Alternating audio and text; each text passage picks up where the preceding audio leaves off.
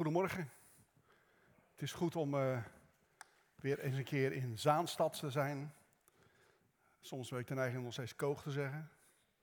Zo lang zit ik al bij de kerk. Vanmorgen kon ik nog, ik, nou ja, ik heb Jan en Anneke nu even nog welkom geheten, althans.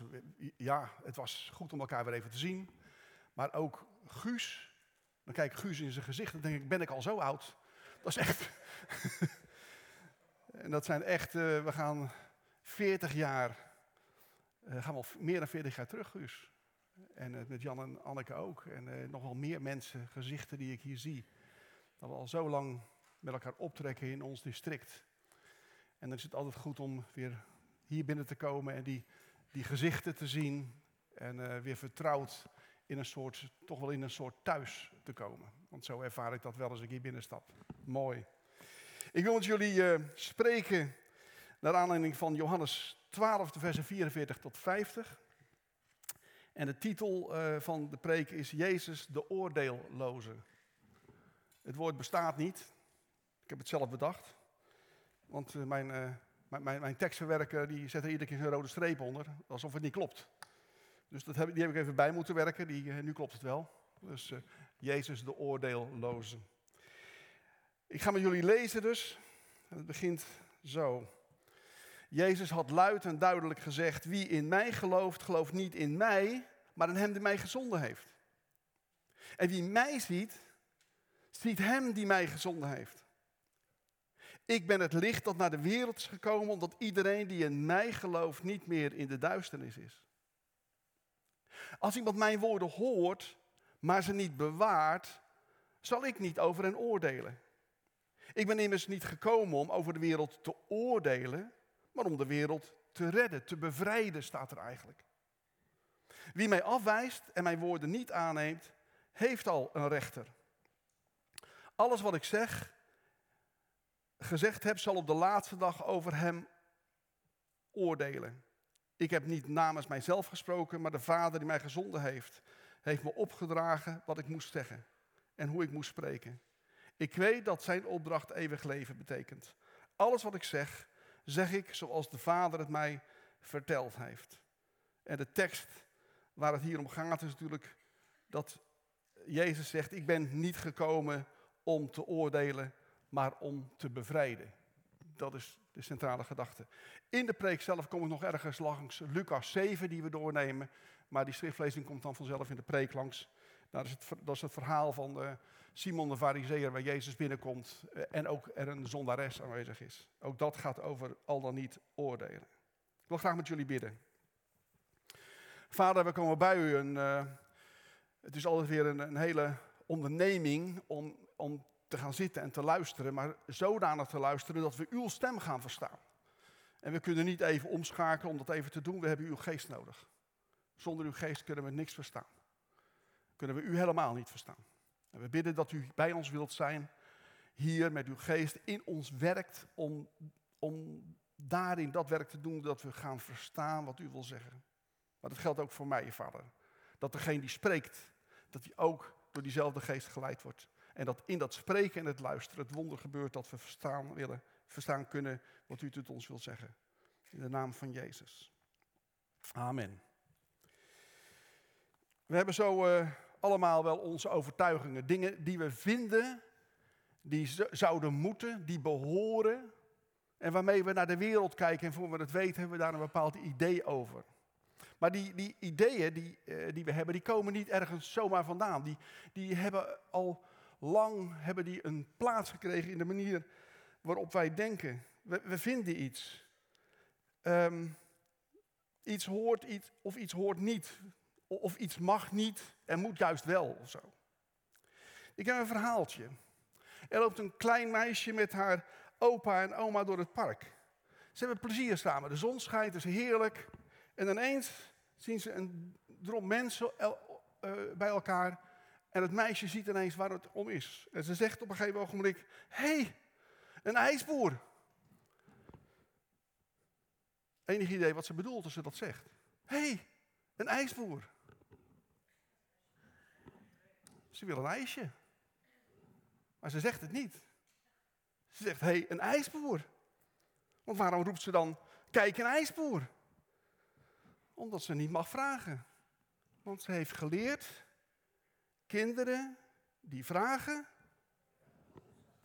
Ja, zo stom zitten wij aan elkaar. Dat leren wij al vroeg onze kinderen. Want dan leren we onze kinderen al wat hoort en wat niet hoort. En dan gaan we dit, dit kromme gedrag gaan we in haar oproepen. Nou, dit is het begin van hoe wij krom gedrag gaan vertonen als we ouder worden. Het lijkt er onschuldig, maar het is een illustratie van iets dat naarmate we ouder worden ergere vorm aanneemt. Want ook wanneer we met elkaar omgaan als volwassenen, zie ik dat we het kennelijk nodig hebben om elkaar kritisch te bekijken. Waarom? Weet ik niet. We corrigeren, we denigreren, we negeren, we kaderen in en we maken regels. En we zorgen dat iedereen in de, onder de regels past, aan, zich aan de regels houdt. We hebben zo onze ideeën wat fatsoenlijk is en hoe we ons moeten gedragen. Vervolgens, wanneer er voor ons afwijkend gedrag wordt, gedrag wordt vertoond, dan weten we eigenlijk niet hoe we daarmee om moeten gaan. En dan vinden we daar wel iets van. We spreken onze mening uit. Of we doen het tegendeel, we gaan uit het contact. Of we laten ons door een, door een houding zien, of onze gelaatsuitdrukking, wat we ervan vinden, hoe we erin staan. We vinden het ook in de kerk met haar dogma's en richtlijnen. Denk maar aan de discussies over homoseksualiteit, vrouwen als predikant, de rol van verslaafden in de kerk, samenwonen zonder getrouwd te zijn. En we hebben allemaal onze teksten paraat om te bewijzen dat wij gelijk hebben. Mensen met een oordeel hebben het kennelijk nodig om, uh, om piketpaaltjes te slaan. Om vast te stellen wie erbij hoort en wie niet. Wat nog wel door de beugel kan en wat niet. En het zou kunnen dat het komt omdat mensen bang zijn of dat ze zichzelf willen beschermen. Of omdat ze behoefte hebben aan veiligheid en zekerheid en, en, en, en duidelijkheid. En eh, daar moet je niet op een gegeven moment mee gaan rommelen, want dan weet je niet meer waar, het, waar je uitkomt. Alleen die angst die eronder zit, die wordt dan niet gecommuniceerd. Dat zeggen we, zeggen, dat zeggen we niet. Mensen die vastzitten in hun eigen gelijk zijn niet echt nieuwsgierig naar wat er in de ander omgaat. De authentieke belangstelling ontbreekt. Eigenlijk heb ik al mijn mening over jou gevormd. Ik hoef niet te weten wat, wat jou beweegt. Ik hoef niet te weten wat jij denkt en waarom jij denkt wat je denkt. En dat maakt me verdrietig. Omdat we op die manier radicaal ingaan tegen wat Jezus ons heeft gezegd en voorgeleefd. Hij had geen oor voor meningen en overtuigingen. Die interesseerden hem helemaal niets. Hij had oog en oor voor jou. Voor wie jij bent. Voor hoe jij leeft. Wat er in jou omgaat. Waar je mee te worstelen heeft. Dat is, dat, daar gaat zijn interesse naar uit. Hoe je aan de kant bent geschoven. Dan komt Jezus bij jou in de buurt. Hij is niet geïnteresseerd in wat jouw mening is. Zou moeder Teresa gelijk hebben gehad toen ze zei: Als je mensen oordeelt, heb je geen ruimte meer om ze lief te hebben. Als je mensen lief hebt, ga je ook niet meer oordelen. Die twee kunnen niet samengaan. We beseffen nauwelijks hoe destructief het is als wij een oordeel hebben over mensen plaats jezelf maar eens in die positie van iemand die voortdurend te horen krijgt wat er niet goed aan hem of haar is. Want dat is toch wat we van Jezus zien. Hij plaatste zich in onze positie. Probeer maar eens te begrijpen wat er door je heen gaat en hoe pijnlijk het is dat men een mening over je heeft zonder dat ze zich ooit echt in jou hebben verdiept. De nederlaag die je voelt. Het gevoel dat je hebt gefaald. Dat je omlaag wordt getrokken. Uiteindelijk ben je te gekwetst, te gekrenkt en te kwetsbaar. Wanneer je echt mensen wilt meenemen in de beweging van God, sluit, dat juist, sluit dan juist aan op wat de Heilige Geest in die persoon doet. Luister. Probeer te ontdekken waar is de geest aan het werk. We noemen dat voorafgaande genade.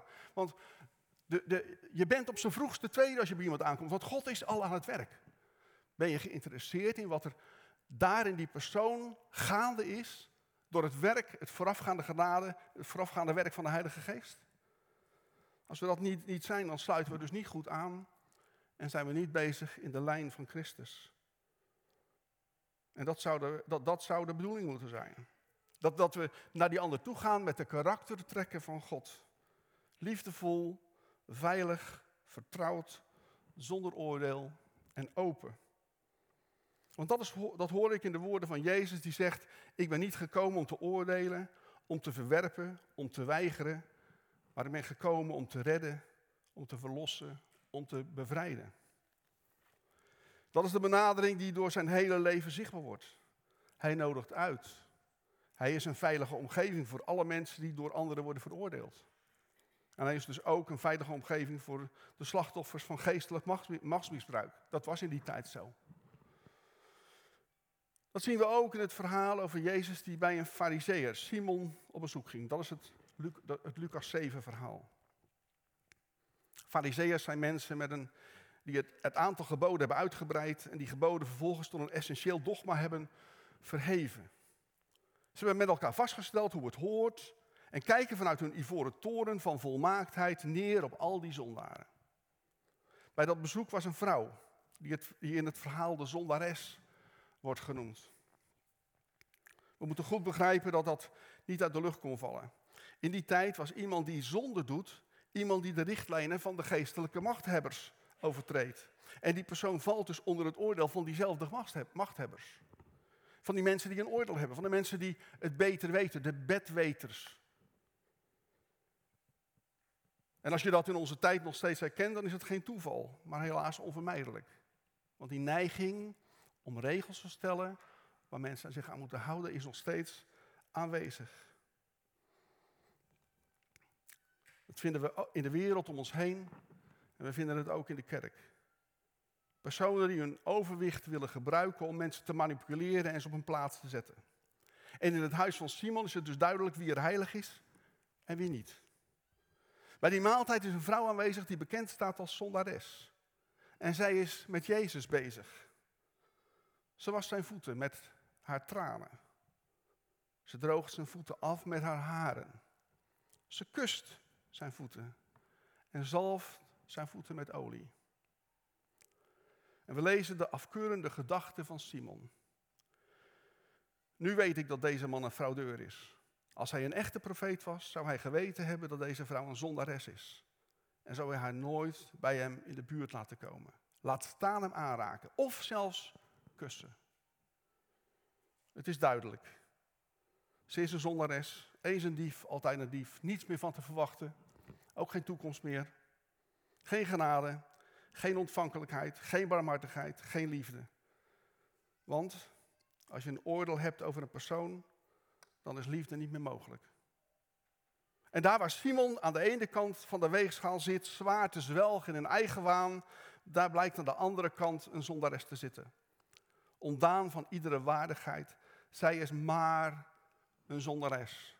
Zij is maar iemand met een verkeerde mening. Zij is maar iemand die iedere keer rebels wil zijn. Zij is maar iemand die, noem maar op. Noem maar op.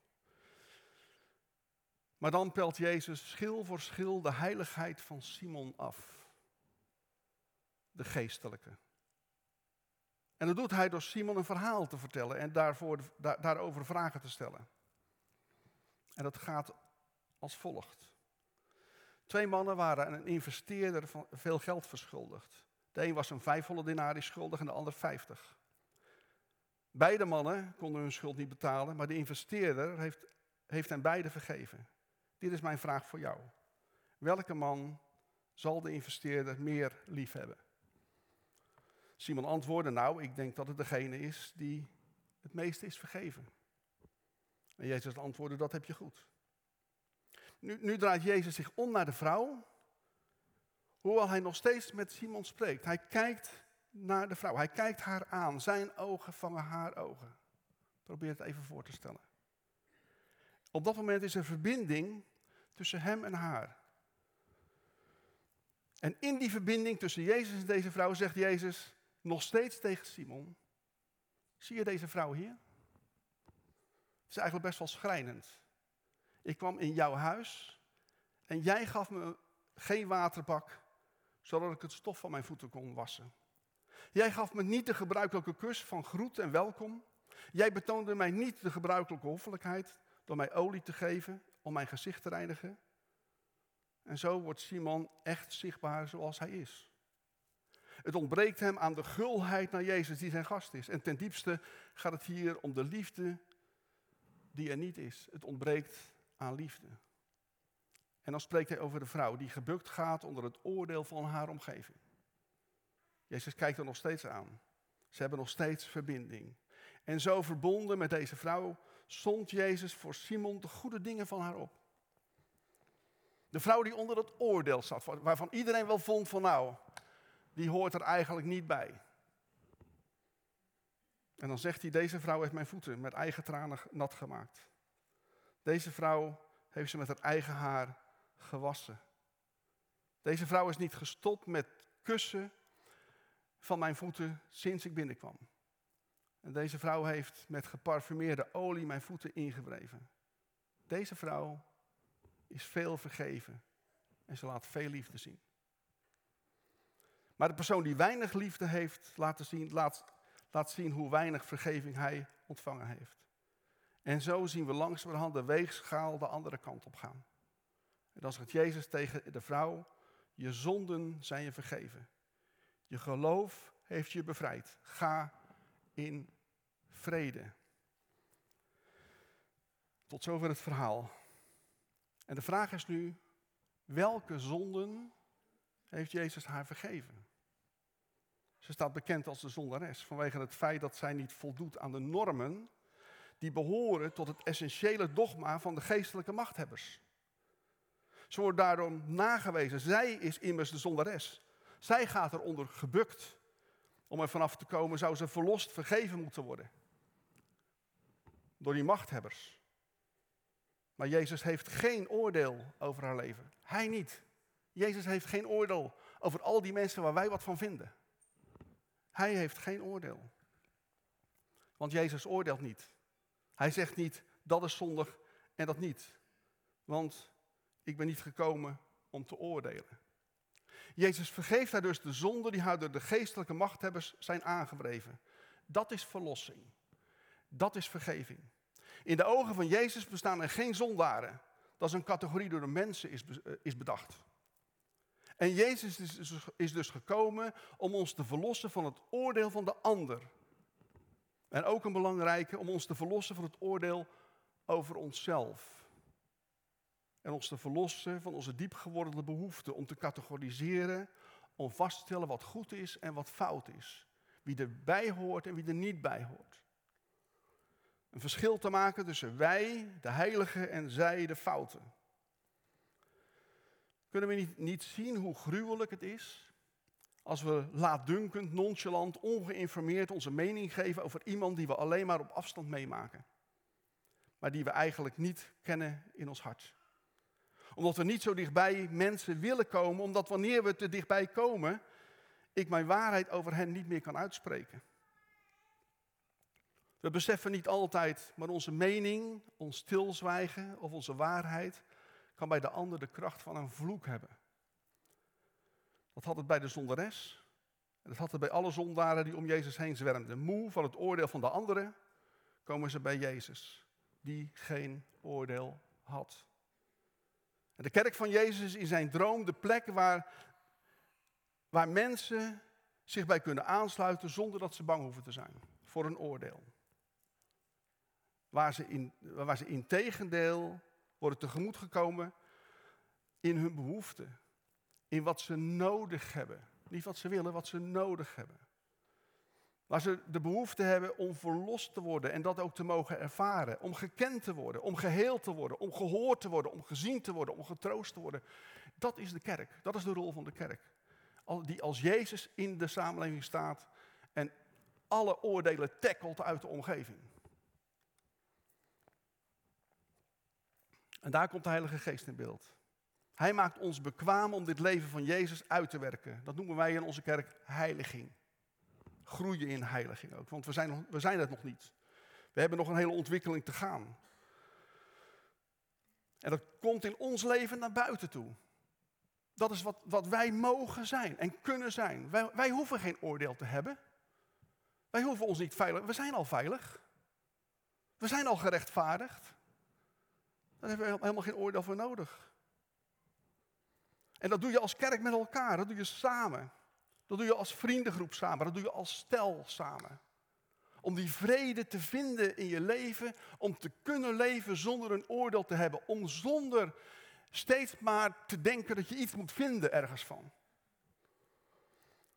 We zijn elkaar tot tegenover gegeven, zodat de geest ons kan onderwijzen in de werkelijkheid en weerbarstigheid van de veelheid van relaties waarin we staan.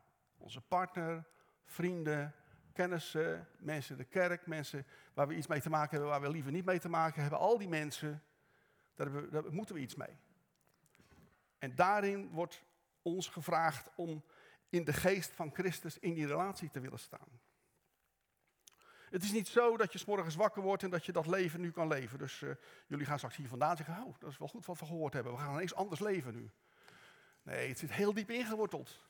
Want het begon al met het moment dat we wisten dat we geen vragen mochten stellen als kind. Daar gaat het al fout.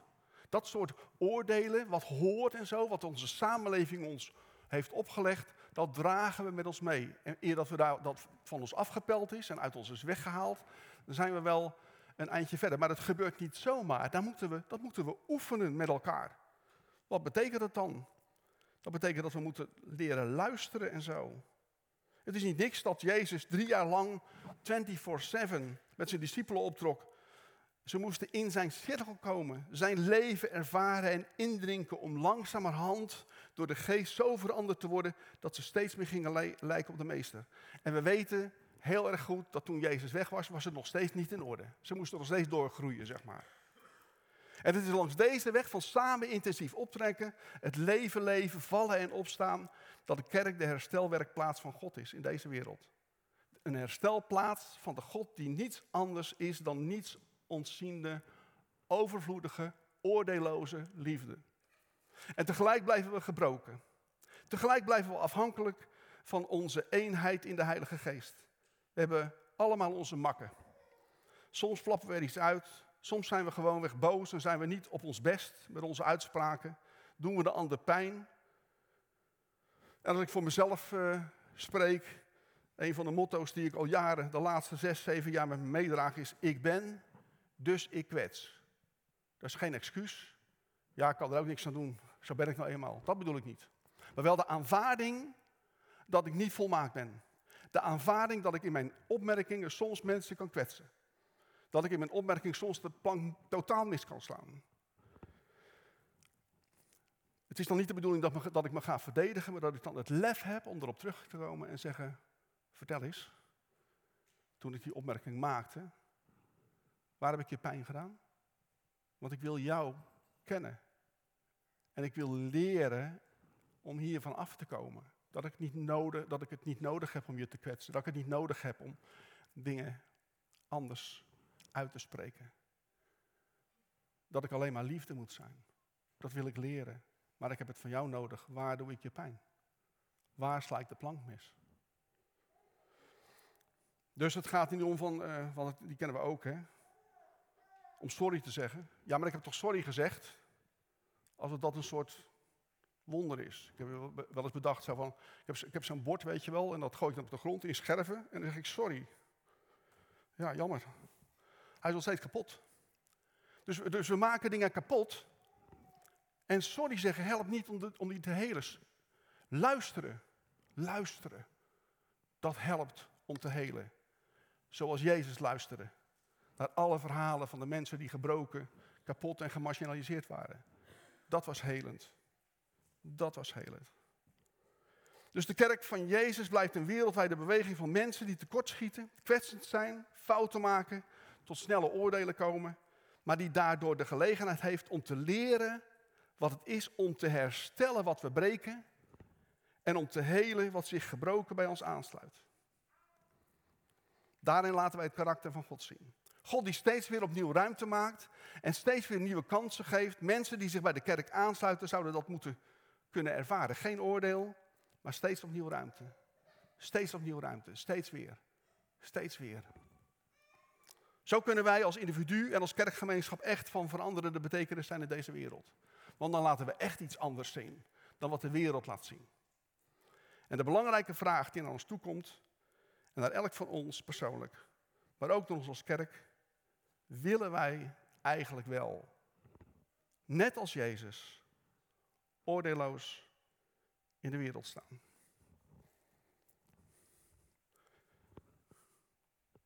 Amen was dat trouwens. Even doen.